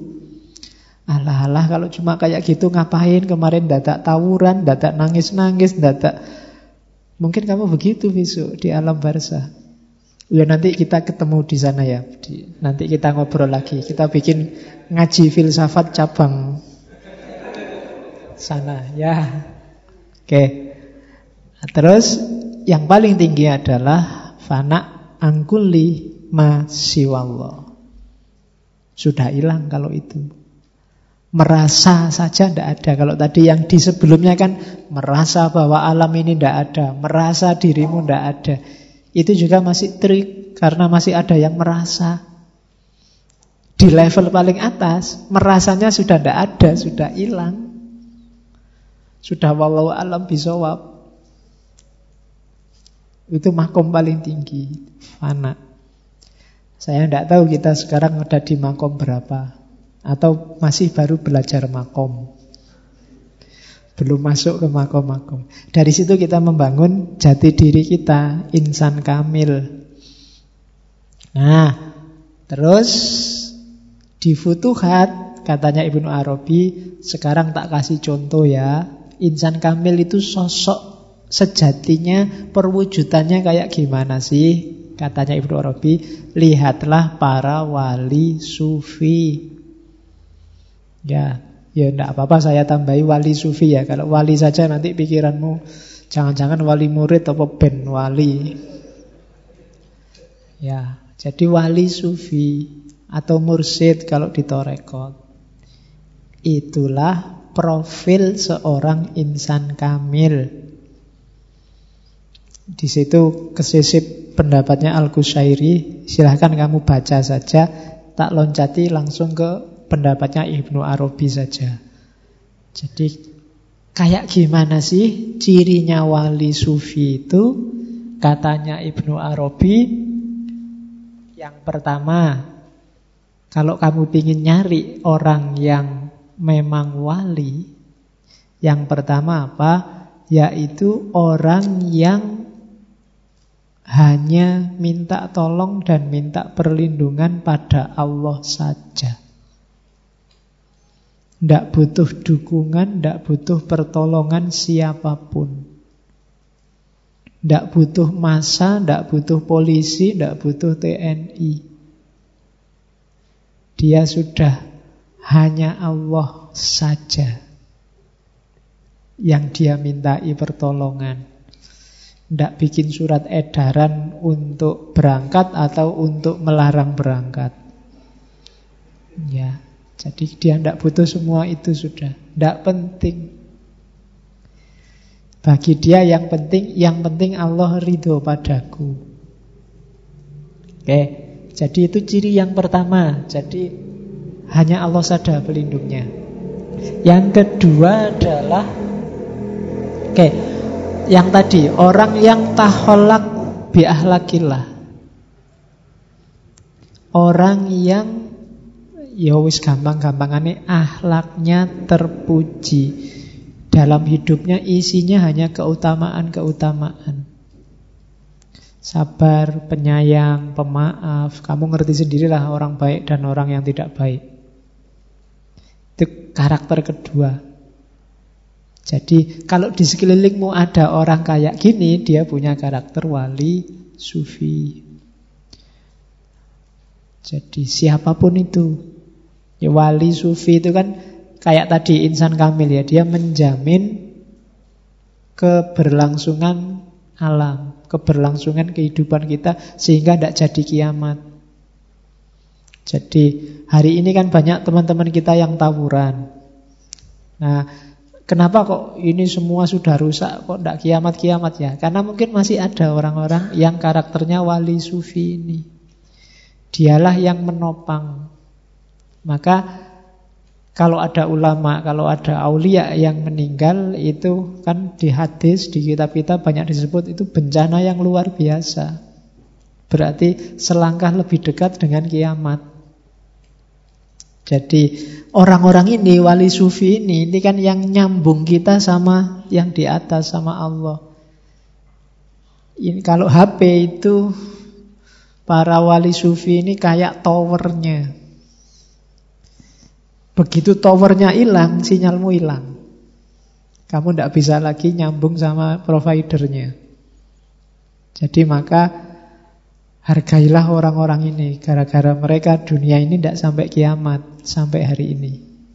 Ya Sekarang kan banyak yang tawuran-tawuran itu. Oke Harusnya umat Islam itu wasaton. Wasaton itu wasit. Cuma sekarang wasitnya ikut main Susah sekarang wasitnya main Janjane kalau gini loh Kalau ada orang tawuran Misalnya di ngaji ini ada yang gegeran tawuran. Itu kan kamu pertama-tama tidak bahas siapa yang salah, siapa yang menang, siapa yang benar. Tapi pertama-tama yang dilakukan apa? Dipisah. Biar nggak tawuran, biar nggak pukul-pukulan. Kan gitu, itu namanya wasit. Jadi hari ini nggak ada yang misah. Jadi ada saudaramu tawuran, yang lain tidak misah, tapi satu pihak ini, kamu pihak siapa? Pihak sana, ayo, ayo, tawuran sekarang ganti, kita beda pihak. Terus terus gitu, tidak ada yang bisa. Harusnya naturalnya itu kalau ada saudaramu yang tawuran, pertama-tama jangan ribut siapa salah, siapa benar dulu. Dipisah sih. Baru dijernihkan persoalannya. Hari ini ada temennya tawuran, yang lain sorak-sorak terus mendukung A, mendukung B, tidak ada yang mau misah. Itu menurut saya problemnya di situ. Akhirnya ya tetap tawuran. Oke, yang selanjutnya kok sampai situ. Terus orang yang selalu menyucikan dirinya lahir dan batin. Kenapa kok tidak batin saja penting? Iyalah, lahir penting no. Batinmu nggak dapat tempat yang layak kalau lahirnya rusak. Lahir juga penting. Ya dipelihara lahir tetap butuh makan, butuh tidur. Meskipun jangan makan berlebihan, tidur berlebihan. Harus tetap diopeni. Kalau kita kan yakin jasad lahiriah itu titipannya Allah. Usahakan titipan ini jangan disia-siakan. Besok kembalikan dalam kondisi baik. Biar yang nitip tidak kecewa. Ya. Jadi kalau kamu suka melean, menyiksa tubuhmu dengan tidak tidur, itu hati-hati. Nanti jangan-jangan yang nitip kecewa. Hiduplah yang tertib. Waktunya makan ya makan. Kalau tidak punya uang ya utang. Ya, bilang ke temenmu, "Mbok aku utang duitnya ini loh, mau ngopeni titipannya Allah ini loh." Jadi, masa nggak boleh kan gitu? Terus orang yang selalu bersyukur apa pun yang menimpa dirinya. Alhamdulillah. Orang yang sudah jatuh cinta itu dikasih apa saja seneng. Diomeli pacarnya seneng. Apalagi disenyumi. Tidak apa-apa. Daripada dicuekin. Jadi apa pun, dipukuli, dijiwiti, seneng. Itu berarti memang sudah cinta. Beda sama dagang. Kalau dagang itu dikasih nggak enak nggak mau. Maunya dikasih yang enak baru terima kasih. Kita selama ini masih begitu sama Allah. Kalau dikasih enak-enak, kita baru alhamdulillah, wasyukurulillah terus begitu. Begitu dapat nggak enak, gerundel, mengeluh. Apa dosaku? Apa salahku? Kan kita selalu begitu ya. Tidak, orang yang makomnya wali sufi Tidak ada yang tidak menyenangkan bagi dia Kalau itu datangnya dari Allah Dalam bentuk apa pun Ya Ya berat ya Terus Orang yang muhsin Ini yang saya bilang di awal tadi Orang yang tidak merasa dirinya sudah cukup baik Maka dia ingin memperbaiki diri terus tidak merasa final bahwa akulah yang paling benar. Tapi dalam pikirannya, siapa tahu aku masih salah. Siapa tahu dalam kebenaran yang aku yakini ada ketidakridoan dari Allah. Siapa tahu tersisip di situ riak, sombong, sum'ah, ujub, macam-macam. Jadi dia selalu hati-hati, selalu ingin lebih baik terus. Namanya muhsin. Tidak sekedar mukmin atau muslim. Jadi orang ini ingin memperbaiki diri terus. Oke. Dan yang terakhir cirinya wali sufi adalah menghadirkan Allah senantiasa dalam detak jantungnya, dalam setiap langkahnya, setiap kata-kata omongannya dan seterusnya. Itu cirinya wali sufi. Jadi dia yakin Allah hadir dalam hatinya, di mulutnya waktu dia ngomong, di pikirannya waktu dia mikir. Ini bikin orang hati-hati, nggak ngomong sembarangan. Malu sama Allah. Karena Allah ada di situ, bahkan dia hadir lebih dekat dari ulat leher kita. Bikin kita hidupnya terjaga. Itu wali sufi ada apa-apa dikembalikan ke Allah. Jadi tidak mengeluh, tidak sumpek. Ada cerita seorang wali yang putranya ini diganggu terus sama orang lain. Difitnah, diceritakan jelek, dikabarkan jelek. Terus anaknya ini mengadu ke ayahnya yang wali ini. Pak, itu orang itu gimana ya kok aku dikerjain terus, aku difitnah terus, disusah-susah terus hidupku. Jawabannya wali ini, Alhamdulillah nak, masih ada orang yang menyempatkan dirinya, menghabiskan energinya untuk meninggikan derajatmu. Terima kasihlah padanya. Jadi kalau ada yang gitu, kamu jawabannya bisa dipakai. Jadi iya kan? Loh, ketika orang mencelamu, melecehkanmu, merendahkanmu, ini kan secara ya dalam dunia sufi itu yang untung besar itu dirimu. Maka terima kasihlah padanya. Dia mau loh menghabiskan energinya untuk berpikir, untuk bertindak, untuk ngomong tentang dirimu. Alhamdulillah matur nuwun. Ya kan? Ya kalau bahasa teologisnya kan ketika orang menjelekkanmu maka pahalamu pahala dia dikasihkan ke kamu.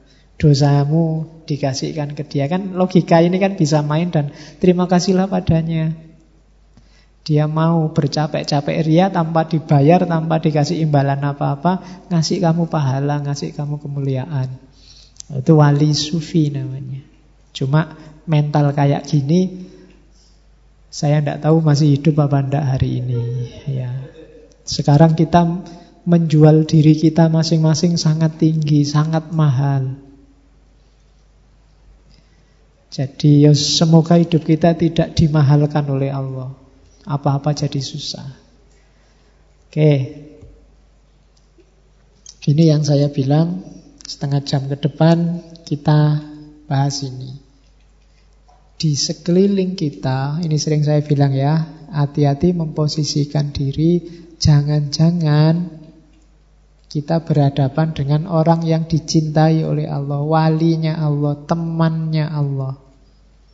Ini saya ambil dari bab 73 dari 560 bab tentang level dan tingkatan para kekasih rahasia Allah. Ini uniknya kadang-kadang walinya sendiri tidak ngerti kalau dia wali. Itu dahsyatnya di situ. Wali kalau ngerti dirinya wali, ini beban yang sangat berat, luar biasa. Jadi maka kadang-kadang Allah menjaga dirinya dengan dia sendiri tidak sadar kalau dia wali. Biasanya yang ngerti kalau dia wali, wali yang lain. Oke, meskipun saya ngomong gini kamu nggak usah GR, jangan-jangan aku wali. ya.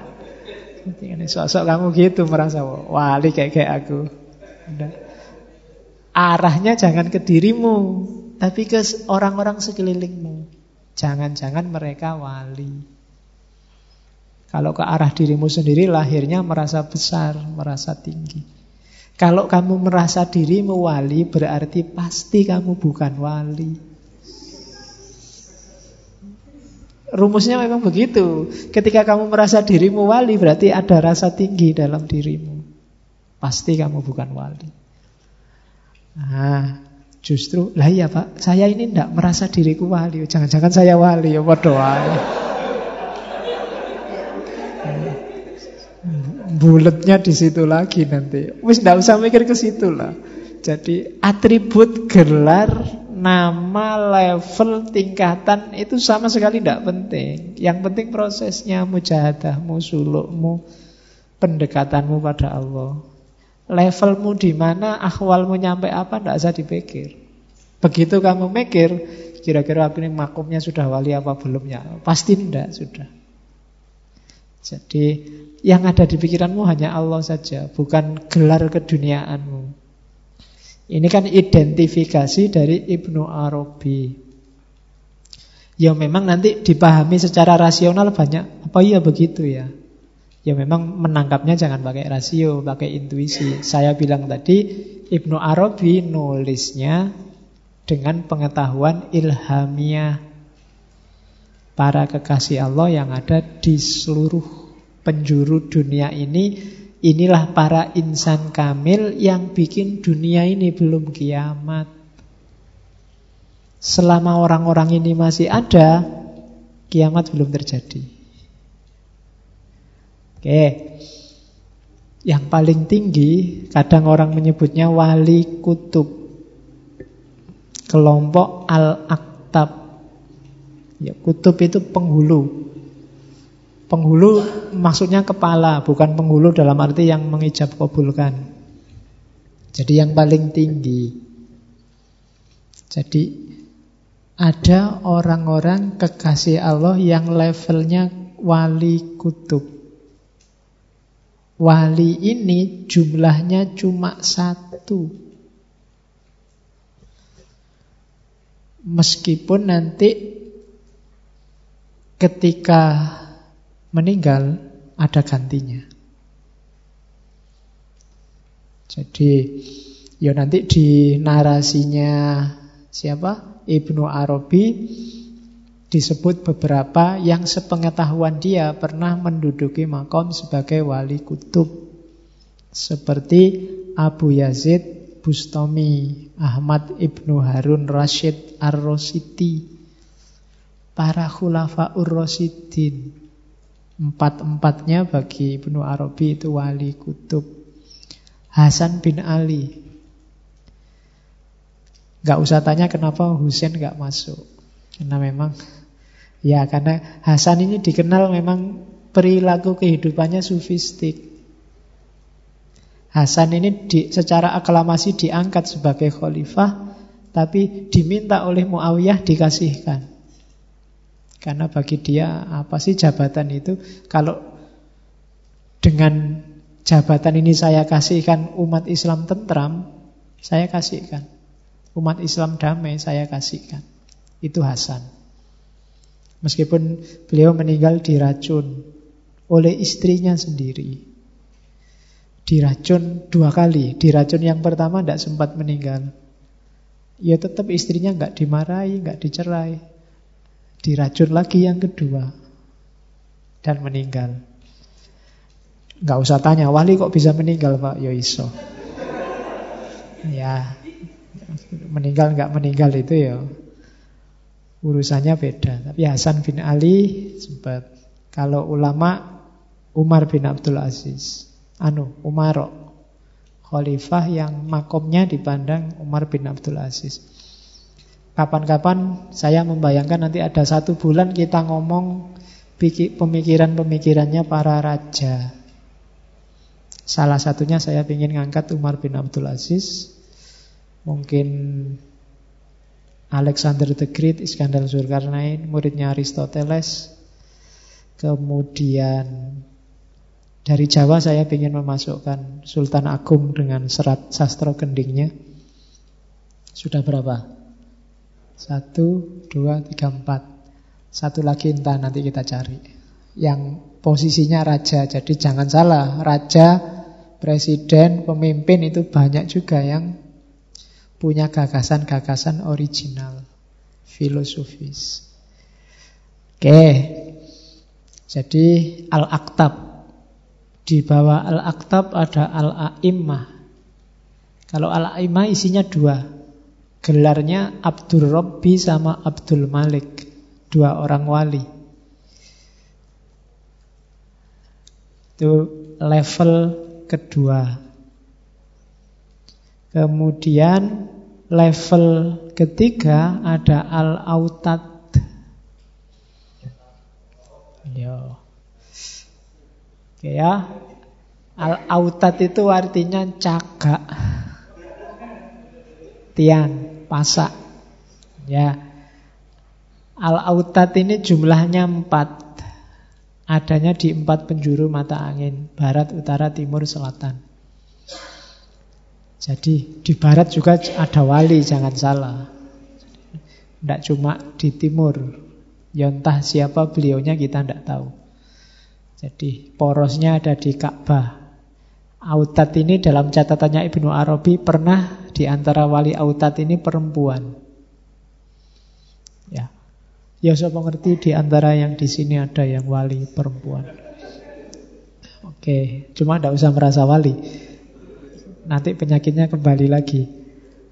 Gelarnya empat orang ini ada Abdul Hayy, ada Abdul Halim, ada Abdul Qadir, dan Abdul Murid. Ibnu Arabi cerita, kami pernah ketemu orang di Maroko. Jadi seorang di antaranya tinggalnya di Maroko sedang ngumpul, mereka tinggal di utara, di timur, di barat, di selatan bumi. Ini mereka yang menjaga keseimbangan alam sehingga tidak jadi kiamat. Namanya Al-Autad. Ada lagi wali abdal. Badal ini pengganti. Jadi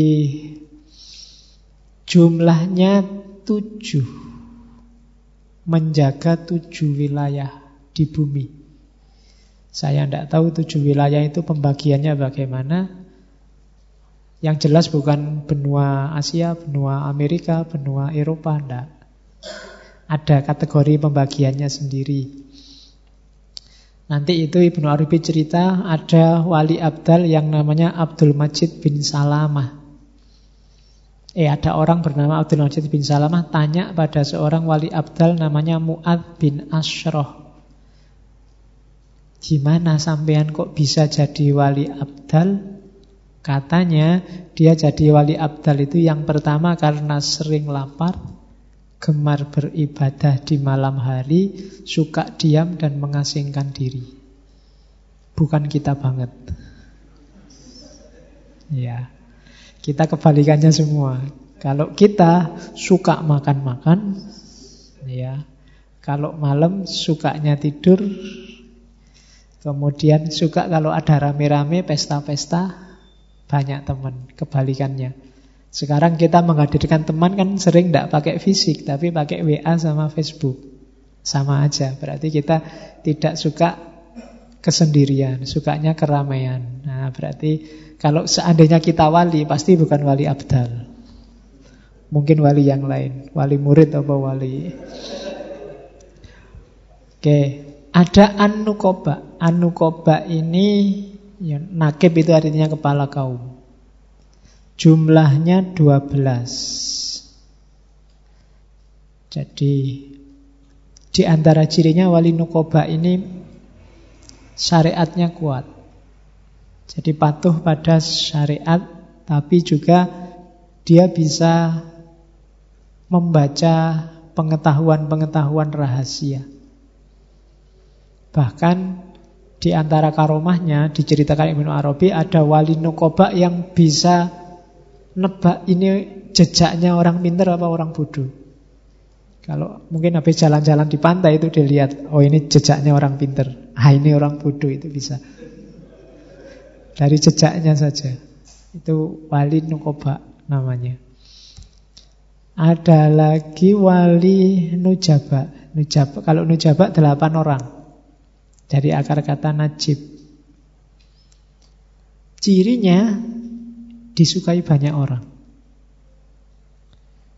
Di mana-mana disambut banyak orang. Oke. Meskipun yang bersangkutan tidak merasa bahwa dirinya wali. Yang mengingatkan bahwa dia wali adalah wali yang lain. Yang derajatnya lebih tinggi. Wali kelompok Nujaba ini jumlahnya delapan.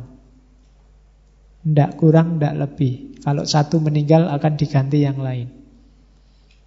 Biasanya ada ada istilah wisuda wali. Jadi, ya kapan-kapan kamu tak undang kalau ada wisuda wali ya. Oke, ada wali kelompok Hawariyun. Hawari ini dari akar kata penolong. Hawairiyun ini jumlahnya satu setiap zaman. Kalau meninggal nanti diganti lagi. Nabi menyebut pernah bahwa hawarinya beliau adalah Zubair bin Awam. Berarti Zubair termasuk kategori wali hawari. Meskipun di sekeliling Nabi banyak sahabat-sahabat. Kalau Khulafa Rasidin kan tadi jelas walinya. Nah kalau ini Zubair bin Awam itu wali Hawari, kelompok Hawariyun. Ada Rojabiyun. Ini yang paling unik menurut saya di antara kategori-kategori yang lain. Rojabiyun ini dia jadi wali kalau bulan Rejab saja. Iya. Orang-orang ini biasanya di bulan Rejab dia akan jatuh sakit. Dan saat dia sakit, dia akan dapat banyak sekali ilham, banyak sekali isyarat dari Allah. Jadi sampai nanti akhir bulan. Kalau bulan Rajab selesai, selesai dia. Cuma ya dengan bekal wawasan ilhamiah yang sangat banyak yang diperoleh saat dia sakit di bulan Rajab. Ya meskipun kalau kalian besok bulan Rajab sakit, tidak usah mikir, wow, iki aku. Ya, Arab tadi wali ini rejep-rejep kok pilek. Wah ini jangan-jangan saya wali rojabiyun. Ndak, ndak di situ. Pokoknya ndak usah mikir dirimu wali lah. Oke, jadi wali-wali rojabiyun ini juga banyak yang ndak paham kalau dirinya wali. Cuma dia nanti akan banyak sekali dapat petunjuk dari Allah yang datangnya di bulan Rajab ini. Nanti bulan Rajabnya pergi, sudah kembali seperti sedia kala. Kayak orang biasa normal. Namanya Rojabiyun. Ada kelompok Khotamiyun. Ibnu Arabi sendiri bilang bahwa akulah penutup para wali. Dia pernah bilang begitu. Itu menunjukkan bahwa dia termasuk jenis Khotamiyun. Jumlah ini hanya ada seorang. Dan setelah wali khotamiyun ini terus Nabi Isa datang. Wali yang terakhir. Ini jenis wali khotamiyun. Selanjutnya, masih panjang sebenarnya, ada sekelompok manusia kekasih Allah yang misterius namanya Rijalul Waib. Jumlahnya 10 orang di setiap masa. Jadi orang ini cirinya biasanya lembut, lemah lembut, jasmani rohaninya. Jadi kalau ngomong tidak bisa ngomong keras. Orangnya misterius, tidak banyak orang kenal. Kecuali mereka memperkenalkan dirinya. Oke. Jadi, ya karena misterius, jarang orang ngerti. Oke ya, namanya Rijalul Ghaib. Jumlahnya 10 orang. Ada Rijalul Kuwah Al-Ilahiyah. Kalau Rijalul Kuwah al-Ilahiyah jumlahnya delapan. Cirinya wali di kelompok ini adalah orang-orang ini cirinya adalah tegas. Bukan keras ya, tegas. Jadi kukuh pada kebenaran. Oke, Katanya Ibnu Arabi di kota Fes, Maroko ada orang namanya Abu Abdullah Al-Dakok. Dia salah seorang wali yang masuk Rijalul Kuwah Al-Ilahiyah. Tegas, tegas itu maksudnya punya prinsip, tidak mencela-menceli. Meskipun tidak keras, gayanya tetap lemah lembut. Tidak ada wali yang kasar, nggak ada wali yang keras.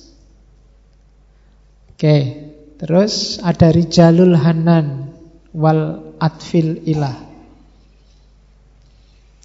Orang-orang ini dikenal sebagai para pecinta Tuhan. Jumlahnya 15 orang. Cirinya sangat penyayang terhadap sesama. Itu Rijalul Hanan wal Atfil Ilah. Terus ada Rijalul Haibah wal Jalal. Jumlahnya empat orang. Orang-orang ini orang luar biasa cuma tidak ada yang kenal di bumi. Orang-orang ini terkenalnya di langit. Populer di kalangan malaikat. Ya. Jadi dia idolnya para malaikat. Bukan manusia di bumi. Cirinya lemah lembut. Dan orang akan tunduk kalau ketemu dia tanpa dia menundukkan. Itu rijalul haibah wal jalan. Orang sungkan sendiri kalau berhadapan dengan wali ini. Ibnu Arabi pernah ketemu di Damaskus. Katanya Ibnu Arabi di Futuhat. Terus Rijalul Fathi jumlahnya 24. Ini orang yang bisa mengakses informasi-informasi rahasia. Anytime. Orang yang ilmu laduninya kuat. Tentang apa pun. Namanya Rijalul Fathi. Terus ada Rijalul Ula, jumlahnya tujuh orang. Orang-orang ini yang levelnya tinggi, jadi mereka bisa mondar-mandir di banyak alam, termasuk di alam malakut. Ya. Tidak usah kamu kejar, alam malakut kayak gimana, belum nyampe. Terus, Rijalul tahtil asfal. Mereka ada di bawah bumi. Ini bahasa simbolik ya. Di bawah bumi berarti tidak ada orang yang tahu. Jumlahnya 21. Nggak ada orang tahu karena mereka mendedikasikan hidupnya untuk selalu berada di hadapan Allah. Namanya Rijalut Tahtil Asfal. Oke, makanya aspal itu ada di bawah. Itu jangan salah itu bahasa Arab itu. Jadi jadi kalau diterjemahkan letterlock ini para laki-laki yang ada di bawah aspal. Oke, ya. Terus rijalu imdadil ilah wal kaun. Ini orang yang selalu mendapat karunia ilahi Jumlahnya tidak lebih dari tiga orang Ini orang yang butuh apa saja pasti dikasih oleh Allah. Dan mereka tidak pernah mikir dirinya. Jadi kebutuhan mereka adalah kebutuhan manusia sekelilingnya. Dan setiap kali dia mohon sesuatu, minta sesuatu, pasti dikasih oleh Allah. Nama mereka adalah Rijalu Imdadil Ilah wal Kaun. Ada ilahiyun, rohmaniyun. Ini manusia penyayang. Jumlahnya tiga di setiap masa. Oke, karakternya agak mirip Wali Abdal. Katanya Ibnu Arabi. Ada Rijalul Istitolah. Mereka juga kelompok yang selalu dapat pertolongan. Cuma jumlahnya satu. Cirinya lagi mereka ditakuti yang membedakan dengan wali sebelumnya. Terus rijalul ghina billah. Jumlahnya dua. Orang-orang yang kaya raya karena Allah dan tidak butuh bantuan siapa pun. Ini wali. Rijalul ghina billah. Ada rijalul rijalu ainit tahkim wal zawaid. Jumlahnya sepuluh. Cirinya rajin ibadah. Mereka juga kekasihnya Allah. Ada rijalul istiqok. Orang yang selalu rindu dengan Allah. Karena selalu rindu dengan Allah, di antara cirinya adalah suweneng sekali sholat. Siang malam. Ya, kalau kamu kan agak gimana gitu kalau sholat. Kalau mereka senang. Sholat bagimu, mungkin bagi saya juga kan masih beban. Lagi enak-enaknya tidur kok sholat Lagi enak-enaknya ngobrol kok sholat Jadi rasanya beban Tapi kelompok Rijalul Istiqoq ini Dia sukanya sholat Nggak boleh ada waktu lowong sholat aja. Nggak boleh. Karena sholat itu ketemu sama Allah. Kenapa dia rajin sholat? Karena dia sangat cinta sama Allah. Ketemu sama yang dicintai itu kan senang. Maka dia ingin ketemu terus. Itu kelompok Rijalul Istiqoq ada kelompok al-mulamatiyah. Ini cirinya hati-hati dalam syariat. Dasar hidupnya adalah khauf pada Allah. Takut keliru. Ini kelompok mulamatiyah jumlahnya tidak terbatas. Banyak, sesuka Allah. Bisa sedikit, bisa banyak. Terus ada kelompok fukorok Al-Fuqara ini orang yang merendahkan dirinya di hadapan Allah. Memposisikan dirinya rendah di hadapan Allah. Ada kelompok as-sufiyah. Jumlahnya juga tidak terbatas. Cirinya taholak bi ahlakillah. Keluhuran budi. Ada kelompok al-ibad. Cirinya suka beribadah. Oke. Ada kelompok az-zuhad. Cirinya meninggalkan keramaian dunia. Atau seandainya ada di tengah dunia, mereka tidak lagi terikat, tidak lagi melekat dengan dunia. Itu kelompok az-zuhad. Ada yang unik, rijalul ma'i. Biasanya mereka ini ada di pinggir-pinggir sungai atau laut. Kamu bisa komparasikan dengan Sunan Kalijogo.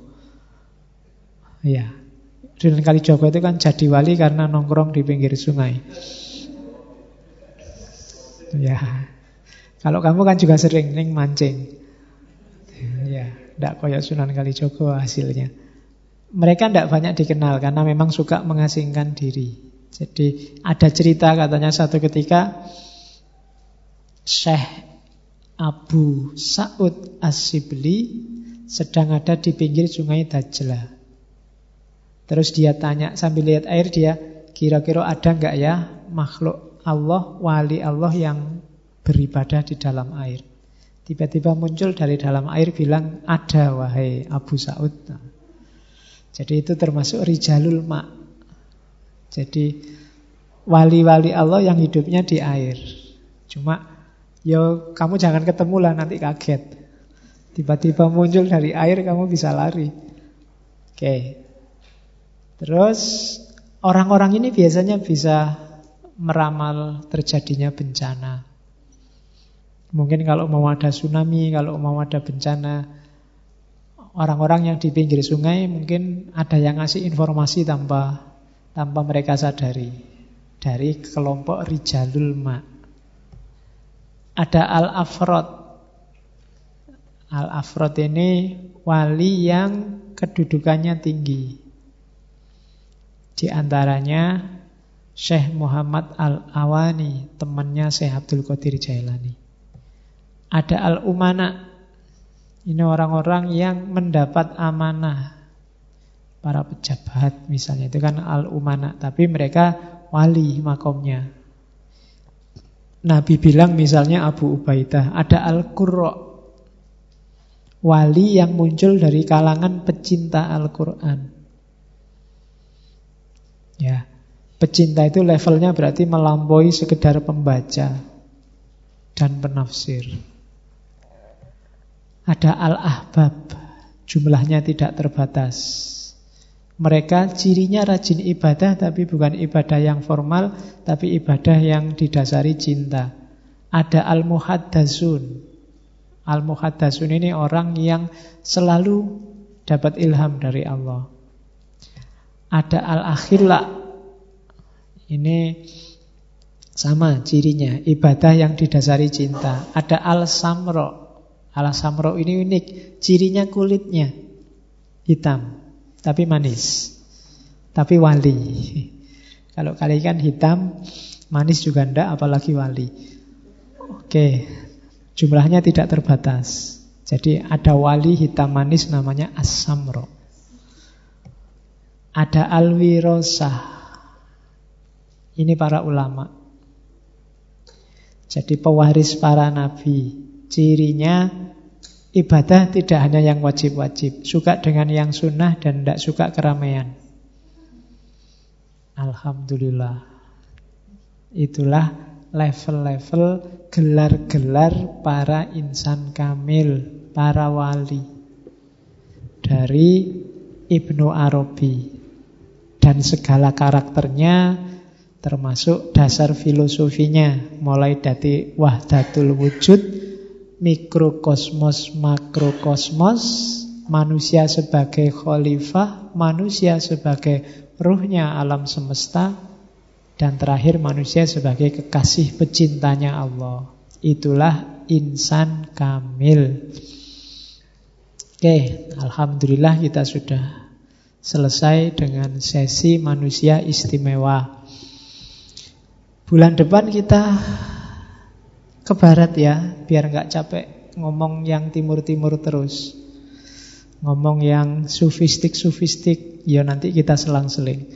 Bulan depan saya rencananya mau ngomong semiotik. Ya, kita angkat empat orang tokoh terkenal. Bayangan saya ya, sementara yang pertama Ferdinand de Saussure, yang kedua Roland Barthes, dengan mitologinya. Yang ketiga kita ke Amerika, Charles Peirce. Dan yang terakhir, yang keempat nanti kita tutup dengan Umberto Eco. Empat orang tokoh semiotik. Semi, semion itu tanda, jadi semiotik itu berarti ilmu untuk membaca tanda. Tanda itu bahasa Arabnya ayat. Ya. Jadi ya, jadi teori untuk membaca ayat-ayat ternyata barat lebih dulu merumuskan ya cara membaca ayat-ayat. Ya semua ayat ya dari Allah. Ada yang tertulis, ada yang tidak tertulis. Nah, minggu depan kita belajar itu untuk satu bulan Desember. Temanya semiotik kita ketemu De Saussure, kita ketemu Roland Barthes, kita ketemu Charles Peirce dan Umberto Eco. Ya tokohnya banyak, nanti kapan-kapan semiotik jelis dua. Biar enggak kamu melayang terus belajar tradisi timur. Kita mulai masuk ke yang rasional. Oke, saya kira itu kurang lebihnya mohon maaf. Wallahul muwafiq, wallahu a'lam bissawab. Wassalamualaikum warahmatullahi wabarakatuh.